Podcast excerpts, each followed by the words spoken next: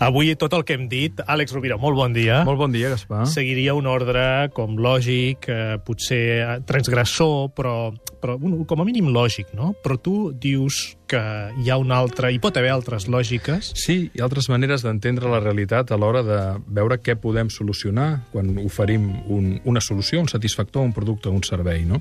Tradicionalment, l'aproximació empresarial, l'aproximació del, del màrqueting tradicional, et parla de l'òptica d'oferta i de l'òptica de demanda. Què vol dir l'òptica d'oferta? Doncs que jo ofereixo el que m'agrada, el que crec que pot funcionar, el que sé fer.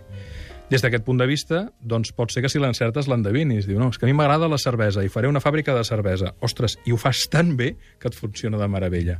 O a mi m'agrada doncs tallar el cabell i muntes una perruqueria i et funciona. Però l'òptica d'oferta té molts riscos, perquè moltes vegades allò que un pensa que és fantàstic i que tothom ho voldrà, resulta que al final la gent no ho vol, o que ho emplaces en un lloc que no hi passa gent, o que fas uns canals de comunicació i comercialització que no arriben. L'òptica d'oferta té molts riscos.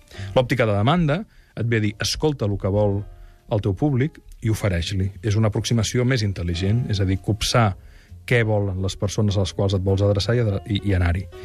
I després també hi ha una altra aproximació. És a dir, normalment he observat amb molts emprenedors i empresaris que a l'hora de fer alguna cosa, de produir un producte, un servei, una solució, es plantegen la seqüència mental en tres termes. Primer, què vull oferir, després el com i després per a què. Per exemple, què vull oferir? Ordinadors.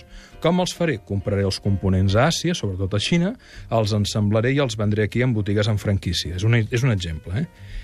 És a dir, el què, l'ordinador, el com, comprant, ordenant i venent en botigues, i el per a què, doncs per solucionar qüestions d'informàtica domèstica. Ara, el senyor Jobs, per exemple, i els grans creadors i els que han trencat regles del mercat, pensen a l'inrevés. Comencen amb el per a què, després van amb el com i després amb el què. Per exemple, el senyor Jobs donava la consigna vull un telèfon sense botons. Com? Heu de pensar-ho. És a dir, no vull un teclat convencional, només vull un botó. Home, això és impossible, no? Pensem com. Clar, el telèfon ha de ser tota una pantalla, amb la qual al ser la pantalla molt més gran, ofereixes moltes més possibilitats. Que això és el pa de cada dia. Obres el sistema, Clar. exactament. Però si ens ho haguessin dit fa 10 anys, haguessin dit que això era ciència-ficció. Absolutament. O imagina't que el senyor Jobs diu vull una pantalla per ampliar la realitat. I aquesta és la consigna, una pantalla per ampliar la realitat. Què vols dir? No ho sé, hem de trobar el com.